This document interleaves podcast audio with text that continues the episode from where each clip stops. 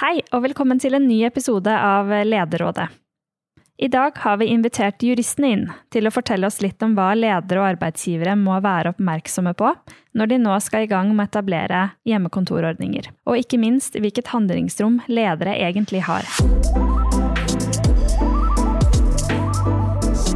Mitt navn er Hanna Sande Jacobsen, og jeg er COO i DeWitt. Jeg skal lede dere gjennom denne podkasten. Og med meg i studio i dag så har jeg blant annet Stein Ragnar Noreng, som er administrerende direktør i DeWitt. Velkommen til deg. Tusen takk.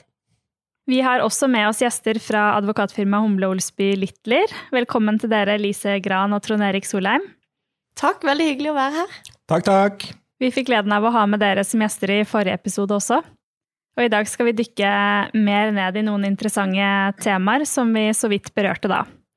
Eh, for i episode én så snakket vi jo litt om dette med fleksibilitet som en av de store fordelene ved bruk av hjemmekontor. Og for mange så betyr jo det at det er nettopp kombinasjonen av det å jobbe fra kontoret og hjemmekontor som virkelig kan gi de store fordelene. Og så Trond Erik og Lise, dere fortalte jo også om det arbeidsgiveransvaret eh, og pliktene man har for de ansatte selv om de jobber hjemme. Og det er jo ikke alltid at hjemmekontoret heller fungerer og det betyr jo at ledere og arbeidsgivere må være veldig bevisst på når styringsretten skal anvendes. Så dette er ting vi kommer tilbake til i dag. Men, men la oss først snakke litt om det som har med arbeidsgivers ansvar å gjøre. Stein Ragnar, da gir jeg ordet til deg. Altså, som leder så har man jo et ansvar for eh, ansattes ve og vel. Eh, hva tenker du om dette i lys av hjemmekontorsituasjonen? Ja, som du sier, så arbeidsgiver så har vi ansvar for de ansattes eh, ve og vel, si både fysisk og andre HMS-forhold. Og når vi nå skal begynne å bruke eh, hjemmekontor på en mer kanskje strukturert måte, annerledes enn vi gjorde tidligere, så utfordrer det oss som arbeidsgiver. Det ene er jo på hva slags regelverk eh, må vi forholde oss til, og hva slags ramme gir det for å kunne følge opp det å vite om en uh, arbeidstaker som har fått en avtale om hjemmekontor, har fysiske forhold til å ha uh, gode arbeidsforhold, eller andre ting som støy eller ventilasjon, det er jo fremstår som svært vanskelig, og kanskje heller ikke lovt for eh, arbeidsgiver å, å følge opp. Men det å få avklart hvor de rammene er, det blir veldig viktig. Og så gjelder jo det som gjelder for øvrig, som vi har hatt med oss over mange år, at vi må ha god kommunikasjon mellom leder og ansatte på hvordan eh, arbeidssituasjonen oppleves, enten den nå er på kontor eller den er på hjemmekontor.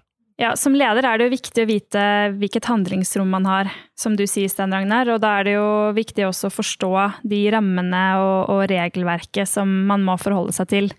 Trond Erik, når det gjelder eh, hjemmekontorforskriften, når er det egentlig vi er omfatta av den? Altså, det blir jo eh, et viktig utgangspunkt for å forstå hvilke rammer vi har.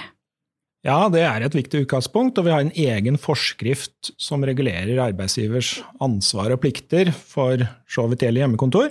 Og den er avgrenset på to måter. For det første så gjelder den eh, arbeid i den ansattes eget hjem.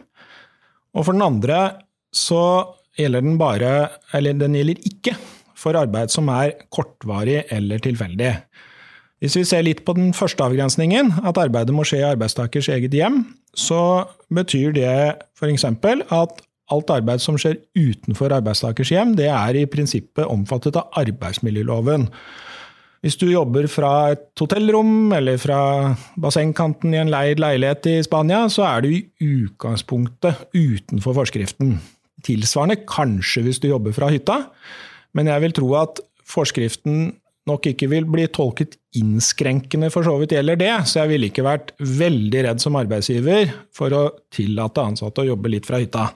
Den andre avgrensningen, at forskriften ikke gjelder for arbeid som er kortvarig eller tilfeldig, den har heller ikke sånn veldig stor betydning. Og den avgrensningen skal nok tolkes ganske restriktivt, men det betyr f.eks. at hvis du tar fram laptopen og jobber litt fra kvelden, eller på kvelden når unga har lagt seg, eller på på søndagseftan for å forberede kommende uke, så er vi ikke i forskriften av, av den grunn. Tilsvarende, hvis en ansatt brekker beinet, og du blir enig med, med den ansatte at han skal få lov å jobbe hjemmefra i to uker til beinet er grodd, så er vi heller ikke innafor forskriften. Vi trenger ikke å lage skriftlige avtaler og regelverk for at den ansatte skal få lov til å jobbe hjemme i en ukes tid. Nei, fordi det ikke er planlagt. Fordi det er kortvarig. Mm. På den annen side, hvis arbeidsgiver legger opp opp til et system hvor de ansatte på mer permanent basis skal få lov å velge selv eh, om å, hvor lenge de skal jobbe hjemmefra, da kommer forskriften til anvendelse. Og det behøver ikke være gitt sånn veldig stor grad av valgfrihet heller. En ordning hvor, kan, hvor de ansatte kan velge å jobbe kanskje inntil én dag i uka hjemmefra, det vil være omfattet av forskriften, så da må du overholde forskriftens krav som arbeidsgiver. Men hvordan skal arbeidsgiver forholde seg til dette, Lise, altså i forhold til det ansvaret man har? Hvis vi tar HMS som, som et eksempel, da, for også på hjemmekontoret så har vel arbeidsgiver et, et ansvar eh, når det gjelder HMS. Men kan man f.eks. da sende en fysioterapeut hjem til ansatte for å sjekke hvordan de har det, og så har man anledning til det? Veldig fint å få en fysioterapeut hjem, da. Men eh, nå er det jo sånn at eh, forskriften sier faktisk den presiserer at arbeidsgiver har ikke lov til å komme inn i arbeidstakers hjem. Det er heller ikke verneombudet, eh, som de fleste virksomheter har, som man kanskje kunne tenke seg at kunne det. De har ikke lov til det med mindre de har en særskilt avtale med arbeidstakeren. Og det er jo fordi det er jo nettopp arbeidstakers hjem og hensynet til, til dennes privatliv at eh, arbeidsgiver skal ikke kunne se hvordan den ansatte bor. Men så har du dette med HMS eh, og arbeidsmiljøet, som Stein Ragnar var inne på. Du er ansvarlig både for det fysiske og det psykososiale arbeidsmiljøet til den ansatte. Også på hjemmekontor. Det har heldigvis forskriften tatt høyde for, så der er det en regulering som, som lemper en del i forhold til de kravene som er i arbeidsmiljøloven på arbeidsmiljø. Eh, og forskriften den sier det at arbeidsgiver skal så langt som det er praktisk mulig forsikre seg om at arbeidssituasjonen og forholdene til den ansatte er fullt forsvarlige. Og så sier han også det i den forskriften, at det gjelder arbeidsstedet, arbeidsutstyret, innemiljøet, og at dette ikke medfører uheldige fysiske belastninger for de ansatte. Så sier forskriften også at arbeidstaker har en plikt til å medvirke til å gjennomføre tiltak som skal da bedre eller gi et sunt og trygt arbeidsmiljø. Men hvordan kan arbeidsgiver gjøre det, da? Ja, eh, man må jo være litt kreativ da, når man ikke kan banke på døra eller kikke inn gjennom vinduene. Så vi ser jo at det, noen opererer med sjekklister som ansatte må eh, krysse av på og signere før de får lov til å komme på hjemmekontor, hvor man tar opp nettopp disse forholdene. Har du godt lys på hjemmekontoret? Har du et eget rom? Har du pult? Eh, hvis ikke arbeidsgiver dekker det, f.eks. Andre tar rett og slett en samtale med den ansatte, eh, og det kan være veldig fint og naturlig i forbindelse med den avtalen som man må inngå med den enkelte ansatte. At man i den da tar en samtale og diskuterer dette og hører med den ansatte. Og så er det jo sånn at forskriften krever at hjemmekontorarbeid er en del av internkontrollrutinene til arbeidsgiver, så man må dokumentere der. Og man, vi har også en forskrift som er på høring, hvor det er foreslått at Arbeidstilsynet skal kunne føre tilsyn med om man har dette som en del av sitt internkontrollsystem. Så det finner, man må være kreativ, eh, og så passe på at de ansatte oppdaterer hvis det skjer endringer, da, f.eks. hvis de flytter eller lignende. Men den ansatte må også kunne eh, plikte å gi informasjon. Nå har vi hørt litt om arbeidsgivers eh, ansvar, og i episode én så snakket vi også litt om styringsretten. Eh, og hva arbeidsgiver egentlig kan gjøre når fleksibiliteten ikke fungerer. Fra et lederperspektiv, Stein Ragnar, eh, hva er dine tanker om styringsretten? Ja, vi, Som du sier, vi har vært innom styringsretten tidligere, og det har vi jo vi som arbeidsgiver. Og den har vi jo anvendt eh, tradisjonelt med å etablere ulike møtefora, vi innkaller til samlinger, vi avtaler kundemøter osv. Og, og noe av dette gjør vi jo tradisjonelt som gjelder hele organisasjonen, og noe andre forhold bare knytter seg til deler av organisasjonen. At uh, ulike team har sine rammebetingelser for hvordan de skal utføre sine, sin rolle. Og jeg tenker at uh, før nå advokatene får si hva, de, uh, hva, som er rammen rundt dette her, at det bør også være rammebetingelsen for styringsretten vi har når det gjelder hjemmekontor, slik at den kan eh, være noe som er felles, en felles ramme for hele organisasjonen. Og så er det ulike eh, tilpasninger av det på ulike deler av organisasjonen, ut ifra hva som passer til, til teamet, eh, til avdelinga, eh, eller sågar ned til den enkelte ansatte, som kan ha ulike forutsetninger for å fungere på et hjemmekontor. Så mitt utgangspunkt er, før, før vi vet hva vi har lov til eller ikke, det er at vi tenker som vi har tenkt før. Vi anvender styringsretten ved å tilpasse det til det som er behovet. Mm. Trond Erik, har han muligheten til det? Hva ligger egentlig i arbeidsgivers styringsrett? Ja, det, det, er et godt spørsmål. Kort fortalt så dreier styringsretten seg om arbeidsgivers rett til å organisere, lede, fordele og kontrollere arbeidet. Og styringsretten er på mange måter selve bærebjelken i et arbeidsforhold, og det som skiller arbeidsavtaler fra de fleste andre kontraktstyper. Og styringsretten den gjelder også for ansatte som jobber hjemmefra. Det er klart. Men det at den ansatte jobber hjemmefra, eller fjernarbeider, det påvirker både det faktiske og rettslige mulighetsrommet arbeidsgiver har til å utøve styringsretten. Den rettslige dimensjonen, det har Lise vært litt innom, det går jo først og fremst på hensynet til arbeidstakers privatliv. Som gjør at arbeidsgiver kan ikke kreve å få lov å komme inn i hjemmet ditt og undersøke om liksom alt er på stell. Det er bl.a. derfor denne forskriften har særlige regler om det. Den faktiske siden det går jo på effekten av at arbeidstakeren sitter langt unna og ikke samlet med andre. Eh, det går på avstand, både fysisk og mentalt. Og det at det er avstand, det gjør det mer krevende å styre. Både fordi det er vanskeligere å fange opp, kanskje, behovet for styringsrett. Fange opp at ansatte ikke har det så bra. Og det går på egentlig det som vel nesten er en naturlov, at det er lettere å styre noe som er nært, enn noe som er fjernt. Utover dette så er egentlig styringsretten eh, den samme for ansatte som, som, jobber hjemme, sammenlignet med ansatte som jobber fra selskapets lokaler. Men de, de rettslige problemstillingene og utfordringene de kan bli noe forskjellige. Og de faktiske utfordringene med å utøve styringsrett de kan også påvirke det juridiske rommet for hva arbeidsgiver kan bestemme. Tenker f.eks. at arbeidsgivere må kunne sette krav og treffe beslutninger for ansatte som jobber hjemmefra, som de kanskje ikke nødvendigvis kunne truffet for ansatte som jobber fra selskapets lokaler. Hvis det f.eks. er en ansatt som ikke presterer, eller som er vanskelig å lede fra, fra, hjemmekontor, så mener jeg at arbeidsgiver må ha ganske stort rom for å kalle den ansatte tilbake på hovedkontoret, og pålegge henne å, å, jobbe der. Selv om det kanskje skulle bli oppfatta som et, et, stort inngrep, og kanskje som, som forskjellsbehandling. Ja, Da er du inne på når det er aktuelt å anvende styringsretten. Altså i hvilke situasjoner. Lise, kan ikke du si litt mer om, om de situasjonene hvor man typisk kan eh, komme til å måtte anvende styringsretten? Det er jo, som Trond Erik var inne på, ofte i de situasjonene hvor den ansatte ikke fungerer på hjemmekontor fordi vedkommende kanskje utnytter ordninga, men det kan jo også være fordi at eh, hjemmekontor ikke fungerer for den ansatte uten at den ser det selv. Um, men man har jo også de litt mer sånn enkle uh, forholdene som går på når skal arbeidstaker være tilgjengelig på hjemmekontor? Er det kjernetida?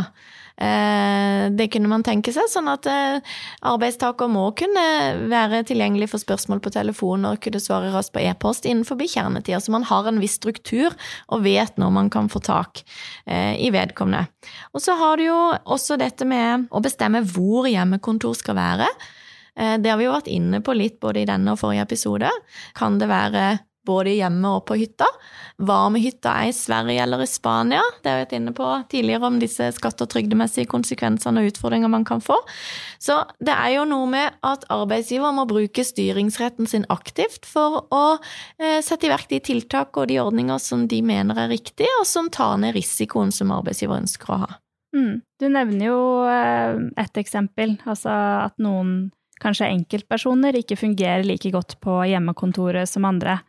Men er det greit å forskjellsbehandle? Altså som eh, arbeidsgiver kan man si at én eh, person kan jobbe hjemmefra, men ikke en annen? Godt spørsmål, for det finner man jo raskt ut, om en får lov til å jobbe mer enn de andre. Eh, altså, eh, vi må alltid passe på eh, diskrimineringsreglene, at man ikke kommer seg inn i, inn i de. Men er man utenfor de typiske diskrimineringsgrunnlag som rase og kjønn osv., så, videre, så så kan man jo forskjellsbehandle så lenge man har en saklig grunn, og det kan være så mangt. Altså det kan være at en aleneforeldre får tilpassa kjernetida til, til, sin situasjon, nettopp fordi eh, det skal matche med henting og levering i barnehager og skoler og hva det skulle være.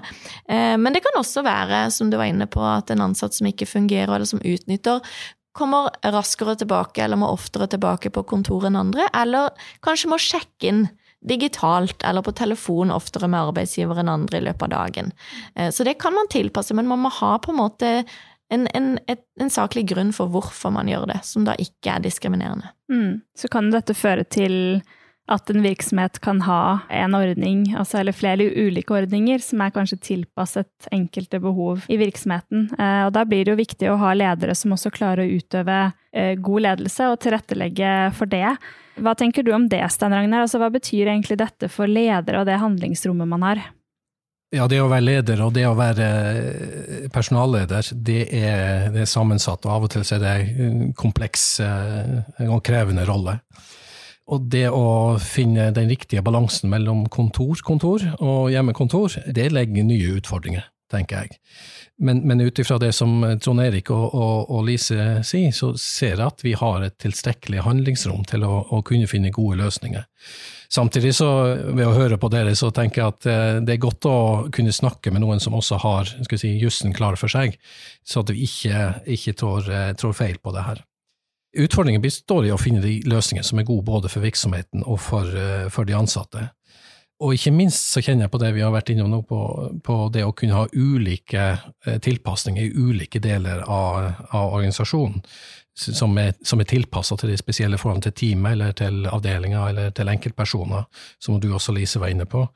Eh, og jeg ser jo for meg at begrep som urettferdig og lite fleksibelt er ting vi kan, som ledelse kan bli møtt med utover høsten og vinteren når dette skal eh, praktiseres. Og Derfor tror jeg det er veldig viktig at vi, når vi etablerer det, at vi er veldig tydelige på hvorfor det er ulikt. Mm.